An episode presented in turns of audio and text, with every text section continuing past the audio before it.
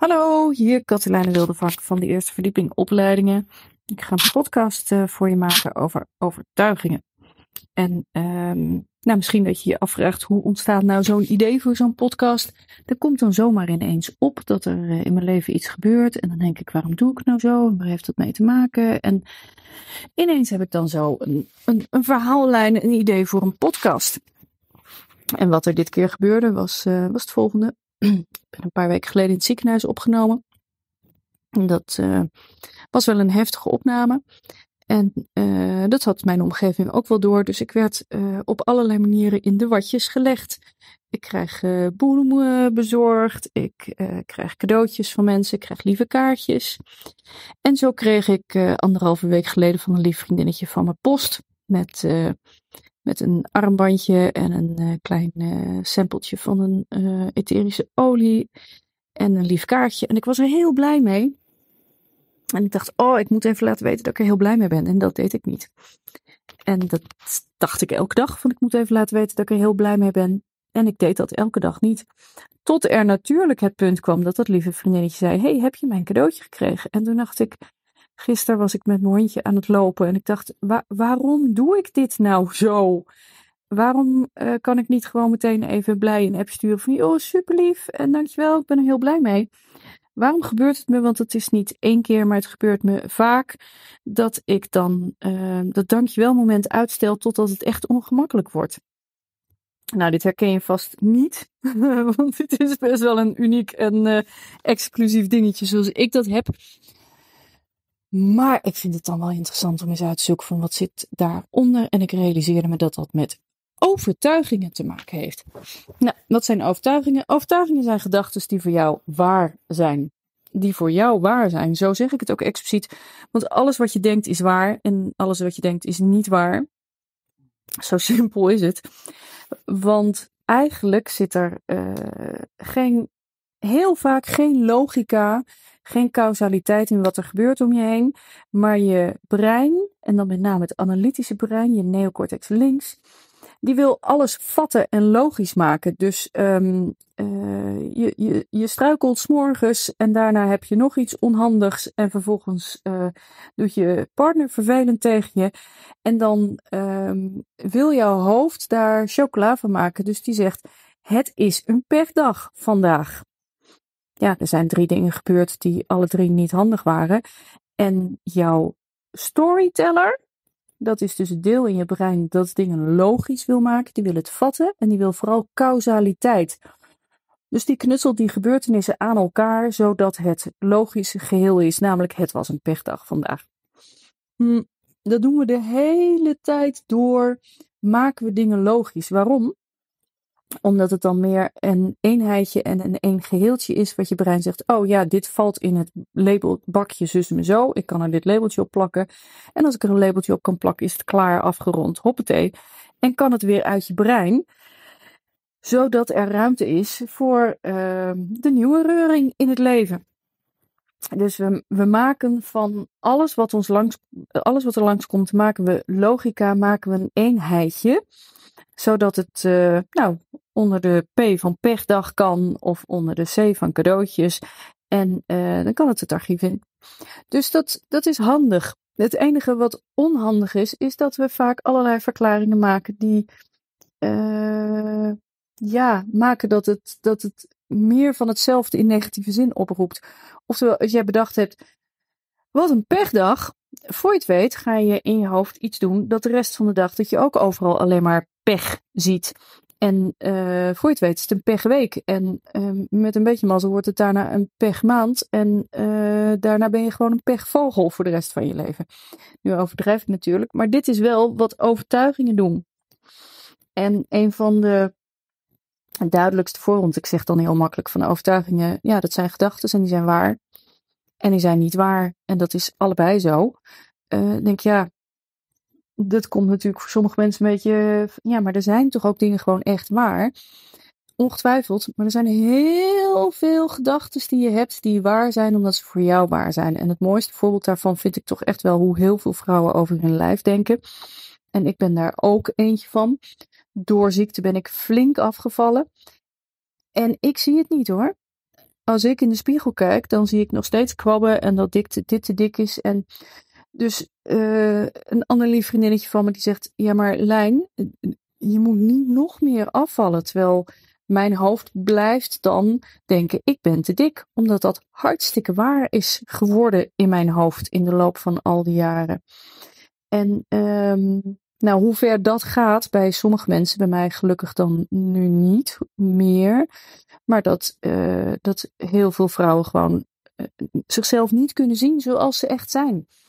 En daar snappen we het wel van, omdat wij dan aan de buitenkant kunnen zijn. Jij, zien, jij bent niet dik en je vindt jezelf wel dik. Dus kennelijk zijn er gedachten in je hoofd die niet kloppen met de uh, waarneembare realiteit.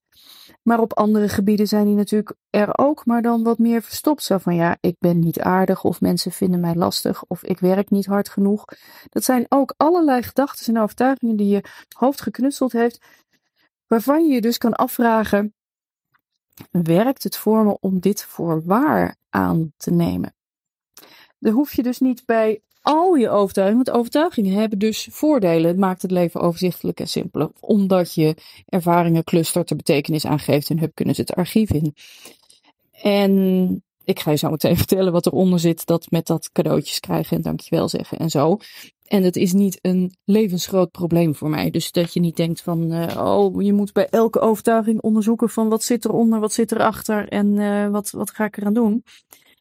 Nee, maar ik vond dit wel een mooi voorbeeld van iets ja, relatief wat kleiner, maar dat je wel terug kan kijken van jeetje, wat zit eronder en wil ik nog me op deze manier gedragen? Nou, wat eronder zit is eigenlijk heel simpel.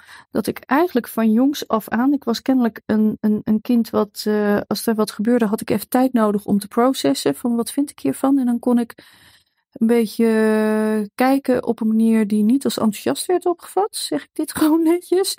Uh, stuurs of denkend of wat dan ook. En met name in sociale settings vond ik het altijd wel een beetje spannend. En bijvoorbeeld op mijn verjaardagen, als ik dan een cadeautje kreeg, dan moest ik even bedenken van hoe ga ik hierop reageren en ben ik er blij mee en wat vind ik ervan. En dan kreeg ik eigenlijk wel altijd een soort feedback van doe eens even blij, doe eens even enthousiast. En ik dacht vaak, ja maar ik ben blij, dus wat doe ik dan verkeerd? Dus ik weet wel dat ik nog zelfs voor de spiegel heb staan oefenen op een blij gezicht. Hoe moet ik kijken dat andere mensen kunnen zien dat ik hier heel blij mee ben? En ik realiseerde me dat ik dus een overtuiging geknutseld heb. Uh, ik moet heel blij zijn als ik iets gekregen heb. En dat moet een ander ook kunnen merken. En dat doe ik vast niet goed. ik moet er zelf om lachen hoor. En dit is helemaal niet heel groot in mijn leven. Maar nogmaals, ik vind het gewoon een leuk voorbeeld. Dat ik dus, zonder het door te hebben, als ik iets van iemand krijg, onmiddellijk in het hokje schiet. Oh, als ze maar door hebben dat ik echt heel blij mee ben. En een ernaast gelegen hokje is. Ik moet dus even echt goed reageren dat het duidelijk is. En dan denk ik, ja, en spontaan is dus niet goed. Dus daar moet ik even de tijd voor nemen. En nou, je hebt al door. Dan komt er een ander NLP-onderwerp langs, namelijk strategieën. Strategieën gaat over hoe doe je dingen dat je elke keer weer in dezelfde puree belandt. Want mijn strategie is das, dus dat ik dan denk, ja, daar ga ik even goed voor zitten straks. En dan ga ik er goed voor zitten. En denk ik, ja, ik moet nu even een heel blij appje sturen dat ik er heel blij mee ben. Maar misschien komt dat niet dan zo enthousiast over. En uh, daar ga ik dus even echt, echt goed voor zitten straks. Nou, ik heb een gezin met drie kinderen en een hond en reuring. En dus dat ik ga er even echt voor zitten. Dat komt dan dus nog niet. En dan denk ik de volgende dag, shit, ik heb, ben er niet echt voor gezeten. Maar vandaag ga ik er wel echt voor. Nou, je voelt hem al aankomen. Na een dag of drie vind ik het ongemakkelijk worden. En denk ik, shit, ja, ik had even. En dan wordt het al bijna in de verleden tijd, want dan ben ik te laat en kan ik het niet meer goed maken. En dan zit ik anderhalve week te denken van, ik moet nog wel even reageren dat ik er echt heel blij mee ben. Want dat was ik in dit geval ook heel erg, want dat armbandje. En het leuke is, dit lieve vriendje luistert deze podcast ook, dus nu moet ze keihard lachen. Dat armbandje zit gewoon elke dag om mijn arm en uh, doe ik een lekker olietje op, want er zat een vulkaansteentje in dat olie absorbeert. Dus ik ben er heel blij mee. En ik was uiteindelijk weer te laat, want daar kwam dat appje van, joh, heb je mijn cadeautje gekregen? En toen kon ik me mooi weer lullig voelen. Uh, is dit wereldschokkend? Is het een groot probleem? Nee, dat is het niet. En tegelijkertijd staat het inmiddels ook een beetje haaks op uh, iets nieuws in mijn leven. Dat ik gewoon meer in verbinding wil zijn met mensen en mijn hart wat opener wil hebben. Huh? Was je hart dicht dan? Nou, misschien niet. Maar ik merkte wel, andere podcast, dat mijn survival style van ik kan het allemaal wel alleen en ik knutsel wel eerst even van binnen voor ik iets met de wereld deel en ik hoef niet met alles en iedereen altijd meteen contact en uh, dus mijn introverte kantje dat ik zo door alles wat er de afgelopen weken gebeurd is op het gebied van gezondheid en kwetsbaarheid en uh, ik realiseerde ik wil wel wat opener, ik wil wel wat meer in verbinding, ik wil wel wat meer contact en ja, daar hoort dit niet bij. Dus misschien wordt het tijd om die overtuiging te vervangen door een overtuiging dat, ja, zit ik nu te plekken te denken, want ik wil niet de overtuiging hebben. Er is vast altijd aan mij te zien hoe blij ik ermee ben. Want dat voelt een beetje neppig. Dus een nieuwe overtuiging dat uh, mensen die mij echt kennen, uh, gewoon er doorheen zullen voelen dat ik er echt blij mee ben. Ook al heb ik dat niet uh, in neonletters op mijn gezicht uh, gesminkt, zeg maar. Nou, dat is waar NLP ook over gaat. Hoe kun je dan een nieuwe overtuiging installeren?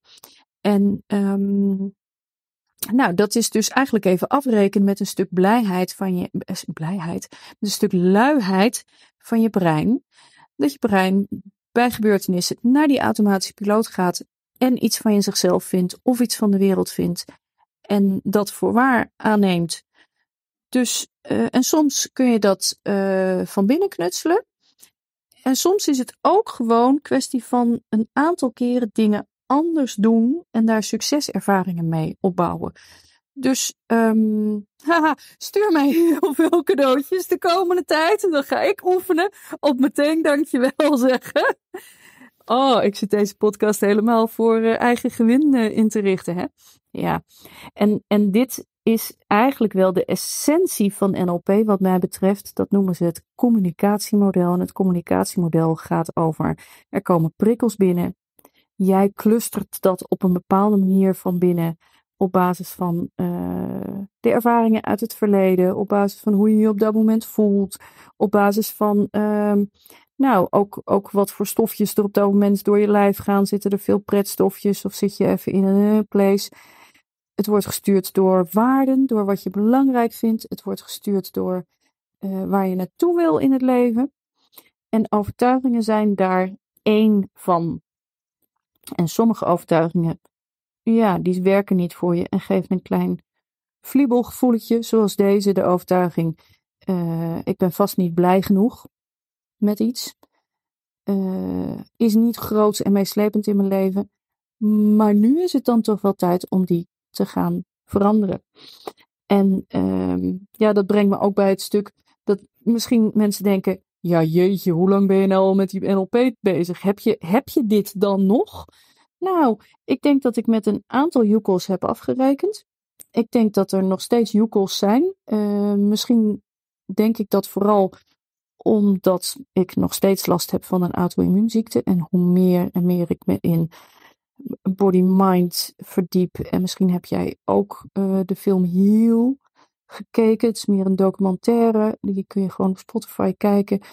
Dat onder elke auto-immuunziekte, nou onder elke chronische ziekte zit uiteindelijk een ontregeld autonoom zenuwstelsel. Zit een ontregeld systeem van omgaan met stress. En nee, ik heb in het heden geen stress. Maar ik denk dat ik op basis van uh, veel niet begrepen zijn uh, als kleine pup wel heel snel mijn fight-flight aan heb staan. Van, oh jee, als ik maar niet en als ze maar en word ik wel begrepen enzovoort. En dat geeft elke keer weer een respons in je lijf. Dus ik heb ook nog met grote joekels af te rekenen. Um, dus wat heeft het me nou dan gebracht? al die jaren van zelfontwikkeling? Nou, het heeft me gebracht dat er heel veel dingen heel veel makkelijker, uh, begrijpelijker voor mij zijn, soepeler in het leven uh, lopen. Ik denk dat het me gebracht heeft dat ik uh, een hele fijne moeder ben. Dat geloof ik, daar ben ik van overtuigd. waar ik nu doorheen ga, dat ik weer uh, zoveel ziektegedoe heb, maakt dat ik eigenlijk een nog fijnere moeder ben. Want ik neem echt zoveel tijd om, er, om echt present te zijn en, en in contact met, de, met mijn kinderen te zijn en thuis te zijn. En daar word ik heel gelukkig van. Dus dat heeft het me gebracht. Um, en het brengt me ook dat als ik weer in een gedoetje zit, dat ik daar sneller weer uit kan stappen en afscheid van kan nemen. Maar nee, het heeft me niet gebracht dat het leven non-stop van een leien dakje gaat. Het heeft me overigens ook gebracht dat ik me eigenlijk elke dag wel gewoon gelukkig voel. En dat ik me daar bewust van ben en dat ik dat gevoel uitpak en plek geef. En uh, ondanks de hupsen en de bubsen en alles wat er langskomt, want er komt gewoon veel langs. Vroeger dacht ik, als je eenmaal NLP gedaan hebt, dan uh, uh, is alles een laaie dakje. Nou, daar ben ik van teruggekomen. Um, maar wat er langskomt, kan ik wel, denk ik, sneller weer uh, parkeren als het me niet dient. ik kan sneller weer naar een happy place. En ik kan vooral makkelijker met een heleboel mensen die heel belangrijk voor me zijn, lief zijn, uh, uh, snappen waarom zij zo doen, hoe ik zo doe, mijn communicatie daarop afstemmen en daardoor gewoon met z'n allen happy zijn. Nou, en dat allemaal omdat ik een heel lief cadeautje kreeg waar ik nog niet dankjewel op gezegd had. Dus dankjewel voor alle lieve cadeautjes tot nu toe. Dan heb ik nu met terugwerkende kracht het daarvoor goed gemaakt. En hopelijk een leuke podcast over uh, overtuigingen. Ik ben benieuwd wat jij voor kleine en grote vliebeltjes tegenkomt. Dat je denkt, overtuigingen maken uh, ook strategieën eigenlijk. Door een overtuiging ga je een strategie doen. Je denkt, ik werk niet hard genoeg, dus ga je, ik werk zo hard dat ik elke dag aan het einde van de dag denk, uh, waar haal ik nog de energie vandaan? Strategie afwikkelen. Of als jij een overtuiging hebt, mijn partner vindt me vast weer lastig, dan ga jij je, hij vindt me vast weer lastig, dus ik ga me onzichtbaar maken, zodat ik niet lastig ben, maar daardoor weet hij niet meer wat ik nou echt leuk en belangrijk vind. Dus eigenlijk word ik er lastiger van strategie doen. Weet ik veel, ik verzin er maar eens wat. Dus door welke overtuigingen word jij nog gestuurd? En ik denk dat ze niet per se nu opploppen, maar wel dat jij daar de komende tijd ineens bewuster van wordt, simpelweg doordat je deze podcast geluisterd hebt. Nou, Um, en ik heb een overtuiging dat een podcast van 17 minuten een te korte podcast is. Kom ik nu achter. Dat is dan ook weer leuk. Dus um, hij is bijna 18 minuten. Hey bye, tot de volgende keer.